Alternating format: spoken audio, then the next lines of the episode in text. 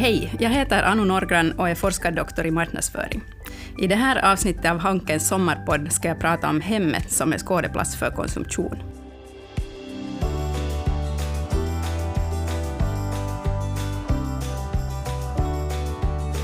Hemmet är en plats som har intresserat konsumentbeteendeforskare av många olika anledningar.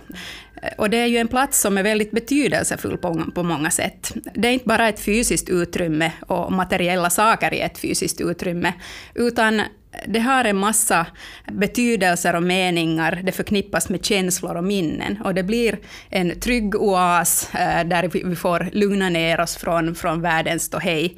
Eh, en, en betydelsefull plats eh, helt enkelt, att vara, vara sig själv, där man får vara sig själv. Ur konsumtionssynpunkt är ju hemmet också på sitt sätt ett, ett upplevt rum. Man upplever det på olika sätt. Där man utför olika typer av aktiviteter, man lever sitt normala liv och har sina normala rutiner. Som alla kan ses som konsumtion på ett eller annat sätt. Man konsumerar mat, man konsumerar underhållning, eh, man har en gemenskap med andra människor och så vidare. Så det är många olika processer som händer hemma som är väldigt eh, innehållsrika och, och viktiga för oss som, som individer och som konsumenter. Och det här vad som händer i hemmet, vad det är för aktiviteter, vad vi gör, vad vi tänker om det som händer hemma, är ju jätteintressant för en marknadsförare, för man vill ju förstå de produkter och de tjänster som man säljer, eh, deras användningskontexter och, och användningssammanhang. Att va, hur fortsätter de här prylarna att leva sitt liv efter att vi har sålt dem? Hur används de? Eh, är de värdefulla för konsumenten i, i deras dagliga liv? Så det, på det sättet är det en, en viktig sak att förstå hemmet som kontext för, för konsumtion. Inredningen och, och, materiella föremålen i hemmet så fyller ju inte eh, bara praktiska funktioner, eh, till exempel då att det ger värde i användningen, att, att man har ett matbord att sitta framför, eller, eller man har en skön säng som ger en, en god sömn, som ger en livskvalitet. Utan hemmet är ju också en, en viktig symbolisk plats, eh, som på det sättet intresserar en konsumentvetare också, inte bara av de här funktionella orsakerna, att vad är en bra säng till exempel, utan vad betyder eh, till exempel ett visst inredningsföremål eller, eller, eller hurdant ska ett hem vara? De är, de är viktiga för att de beskriver oss som personer och konsumenter. De är sociala symboler som, som reflekterar saker som vår identitet, vem vi är, eh, hur vi vill framstå, hurdan stil vi, vi har, hurdan smak vi har, har vi smak? Och det är också indikatorer på klasstillhörighet. Så materiella tingen i hemmet blir på det sättet betydelsefulla, dels på ett sådant allmänt äh, kulturellt plan, äh, där man, man då skapar kulturella betydelser, till exempel hur, vilken typ av saker som vi finländare uppskattar och vad vi har för ideal med vårt boende. Att det kan handla om att, att eh, man har den där drömmen om ett, ett egnahemshus vid, vid en sjö i nära stan, som är en sån där allmän kliché, att, att det här är liksom ett idealiskt, idealiskt sätt att bo. Så mycket av det här har att göra med till exempel funktionalitet.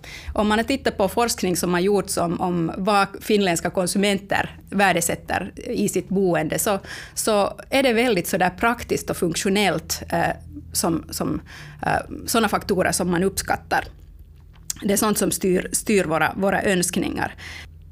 Till exempel att, att eh, ett boende ska vara ändamålsenligt, det ska inte vara för pretentiöst. Att, att man ska ha till exempel ett lämpligt, lämpligt antal rum eh, per person, att det inte behöver vara så överdådligt och överflödigt, utan, utan det, det är lite en sån här luthersk etik där bakom, att, att det, det ska vara ändamålsenligt men, men inte liksom too much. Så, så det, det är kanske sådana ideal som på ett kulturellt plan styr. Eh, sen kanske en annan aspekt eh, som, eh, som ligger på en sån här kulturell nivå är, är, är, en strävan till självständighet.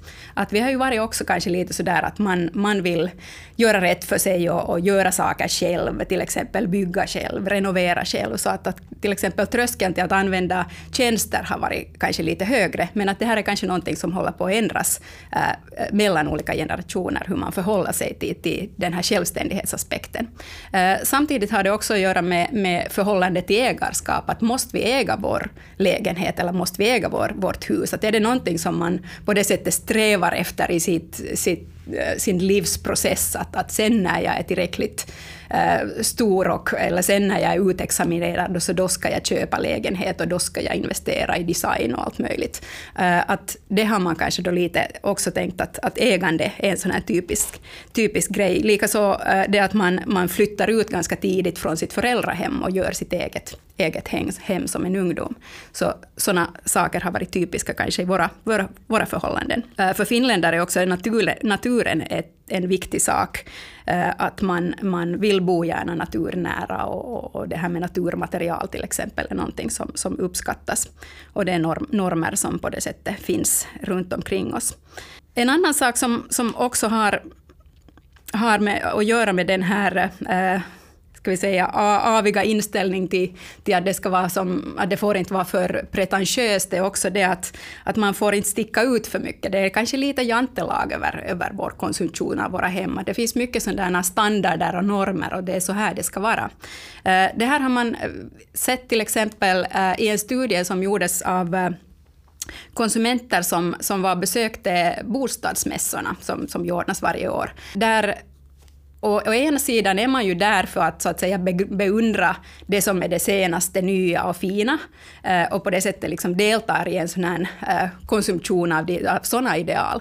Men samtidigt, bland de här besökarna, när man har studerat dem och, och liksom sätter de så att säga värderar det som de ser och hur de kommenterar det som de, som de ser, så, så finns det där ganska kritiska röster så det, det, det är ganska sådär, man, man uh, funderar och evaluerar liksom det här pråliga och pråliga mot det här liksom realistiska och det här hur jag, jag har det hemma med mina begränsningar. Så vår sociala miljö påverkar våra uppfattningar och styr våra önskningar, uh, och som inte bara på ett sånt här, ska vi säga, nationellt plan, men eh, också via sådana här lite mera specifika och fragmenterade eh, kommunikation, eller konsumtionsgemenskaper, eh, olika typer av communities och, och mindre sådana här sociala mediebubblor. Eh, och det här är någonting som kanske konsumentvetarna också har varit eh, ganska intresserade av att titta på, hur eh, smaker och, och eh, opinioner formas i sådana här mindre eh, mindre kulturella gemenskaper. Eh, att man pratar till exempel om en term eh, smakregimer, till exempel hur hur man äh, formar sådana här och förhandlar fram vad som är till exempel den senaste inneprylen i en viss äh, konsumentsmakinriktning, till exempel någon skandinaviska modernismen eller bland de som, som inreder väldigt sådär bohemt eller färggrant eller, eller så vidare. Så, eh, och det har gjort också den här ska vi säga, sociala medievärlden att, att konsumenterna själva är mycket mera än förr äh, själva aktivt och deltar i den här diskussionen och deltar i det här smakskapandet och skapdefinierande. Eh, att tidigare var det kanske mer som någon sån här enskilda auktoriteter som några ledande eh, inredningstidningar eller sånt som, som presenterade nyheter och, och presenterade att det här är nu inne nyansen på, på textilerna i år och så vidare. Att nu är det mycket mer heterogent och, och, och på det sättet demokratiskt för konsumenterna själva att välja sin väg och definiera eh, vilken gruppering man, man hör till och vara med och påverka den här eh, smakregimen i den här bubblan som, som de finns i. Eh, de här idealen och normerna som styr vår förhållning till, till hemmet och saker i, i hemmet som man vill konsumera, är ju också någonting som är i konstant förändring. Eh, trenderna kommer och går och modet, modet eh, går i sina cykler, så, så det här är ingen, ingenting som är, speciellt statiskt. Eh, och också de här värderingarna som, som finns här bakom ändras ju kanske lite långsammare. Eh, så till exempel om man tar det här ägarskapet som, som eh, en, en värdering, kan man ju då fråga sig att, att om man har en, en yngre generation konsumenter, att tycka tycker de nödvändigtvis att till exempel en sommarstuga är någonting som man måste äga själv? Eller går det lika bra att hyra en sommarstuga? Eller om man äger en sommarstuga, är det bara för ens egen, egen användning eller är det okej okay att, att hyra ut den och sätta ut den på någon Airbnb?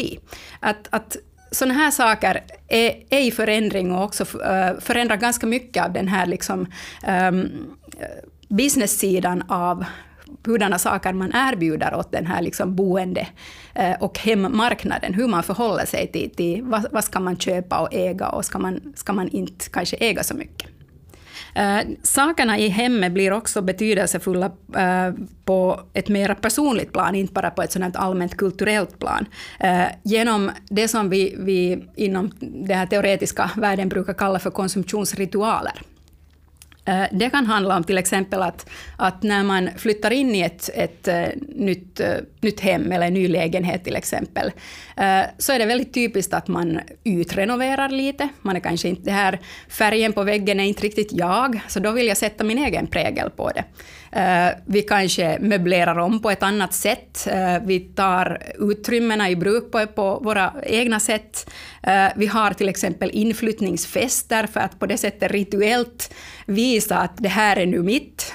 Eh, samtidigt som också sen när, när man till exempel flyttar bort från eh, ett utrymme så skalar man av det som är, har varit personligt.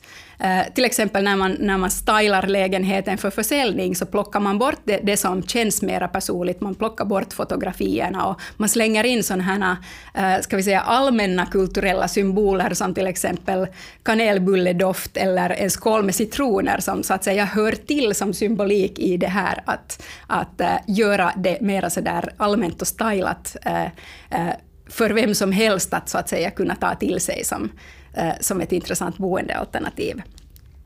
Eh, vi har olika slags eh, vanor i hemmet eh, som är personliga rutiner, morgonga, kaffe på balkongen eller, eller de där sakerna som står framme som har en, en personlig betydelse. Vi har kanske fått det i gåva eller, eller runt ett bord har vi haft en, en oförglömlig middag med våra vänner eller, eller sådana saker som också gör de här konkreta ägodelarna för, som betydelsefulla för oss som konsumenter.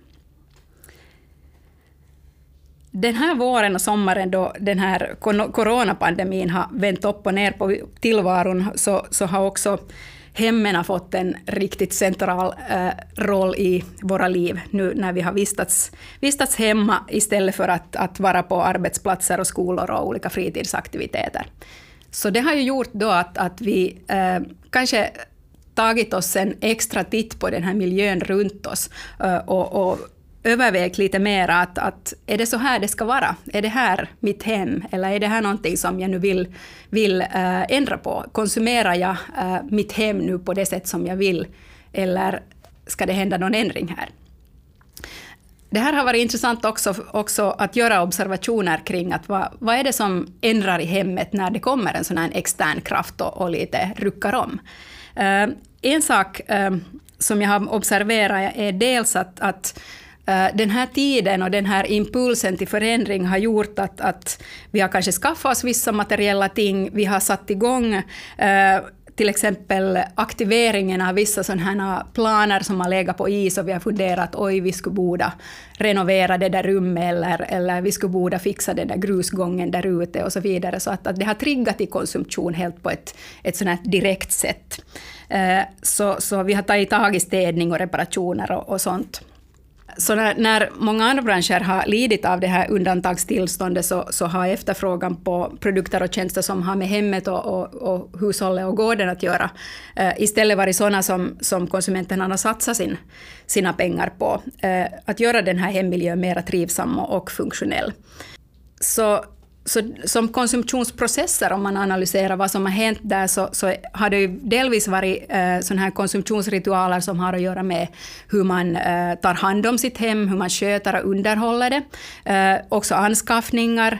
Eh, eller, eller å andra sidan kan man också se det här, att det här har lett till en, en slags eh, icke-konsumtion. Att man snarare än att köpa mera prylar till sitt hem, eh, så, så har man istället städa, gallra, uh, gjort sig av med föremål, gjort sig av med föremål uh, som kanske för en konsument känns snarare som, som belastning, som, som ger en ångest när man har det där stökiga rummet eller den där stökiga skrubben med en massa prylar.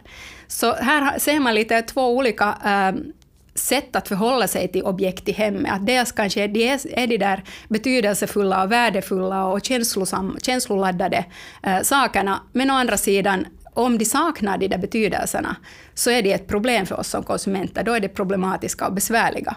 Och, och då kommer vi in på, på sådana här fenomen som, som vi har, har sett i, i världen idag, som, som det här KonMari till exempel, att man, man städar bort eh, objekt som inte skänker en glädje, eh, eller, eller döstädning, att man, man själv tar tag i sådana här gallringsprocesser så det inte blir en jobbig process sen för, för, för andra som ska städa upp efter en.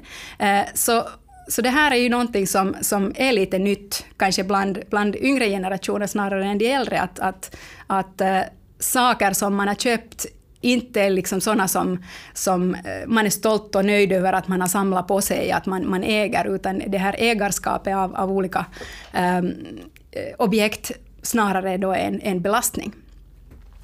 Så här uh, har konsumentstudierna faktiskt identifiera en, en viss generationsskillnad också i, i förhållningen. Att, att är man en sån här hamstrare och samlare eller är man en, en minimalist som, som ser det här värdet i att, att uh, ha kanske så få och så ändamålsenliga uh, saker i hemmet som möjligt. Att det här är ganska, två ganska sådär motsatta krafter då behöver kanske också marknadsföringen veta att, att i, till vilken, vilka målgrupper man vänder sig och att man, hur man liksom handskas med sådana här paradoxer, att man, man å ena sidan äh, har samlat på sig en massa saker, men å andra sidan att de, de också äh, är problematiska om de inte på det sättet är väldigt så där betydelsefulla i ens liv. En annan effekt av den här coronatiden är ju också hur eh, kommunikationsteknologin och all, alla möjliga nya funktioner har gjort ett intrång i våra, eh, i våra hem och i våra privata sfärer. Så när vi har kört våra, våra videomöten och Teams och Zoom hemifrån så har det ju suddat ut den här kanske tidigare lite mer tydliga gränsen mellan det, det privata jaget och det, det till exempel professionella jaget. Och, och här har ju hemmet då kom in som, som en eh, skådeplats där, där de här sakerna möts. Att man har sett många fina exempel på, på var man har gjort gjort en, en vrå av lugn och ro för varje familjemedlem att kunna hålla sina, sina videomöten och, och delta i sin undervisning. Allt från, från att jobba i, i, i tvättstugan och, och bastun och, och så vidare den här utvecklingen att, att vi istället då har behövt ska vi säga, stänga in oss i, i små rum eh, och i avskildhet är ju någonting som är, är ganska i konflikt med den här rådande eh, ideologin också om utrymmesanvändning och ideala utrymmen, att det ska vara öppet, luftigt, inga väggar och inga mellanväggar. Så det här är en utveckling som också lite eh, utmanande, utmanar eh, ska vi säga, arkitekturen och utrymmesplaneringen. Att, att ska, ska man, vill man ha de här öppna utrymmena med inga mellanväggar och, och, och, öppna kök och så vidare, eller är det, är det de facto praktiskt att, att man har de här mindre rummen med, med dörr att stänga in sig och få lite privat lugn och ro för, för aktiviteter som, som, det där, eh, som man nu då behöver sköta mera hemma än, än på ett annat utrymme. Mitt boktips för den här sommaren är Elena Ferrantes Neapel-serie som börjar med boken Min fantastiska väninna. Och den är i mitt tycke speciellt intressant också för att där är boendeförhållandena eh, speciellt intressant beskrivna och de är väldigt starka speglingar av vem de här karaktärerna är, hur deras identitet är knuten till, till boende och hem och också vad de utvecklas till under livets gång. Tack för att du har lyssnat på Hankens sommarpodd. Jag heter Anu Norgran och jag önskar dig en riktigt fin fortsättning på sommaren.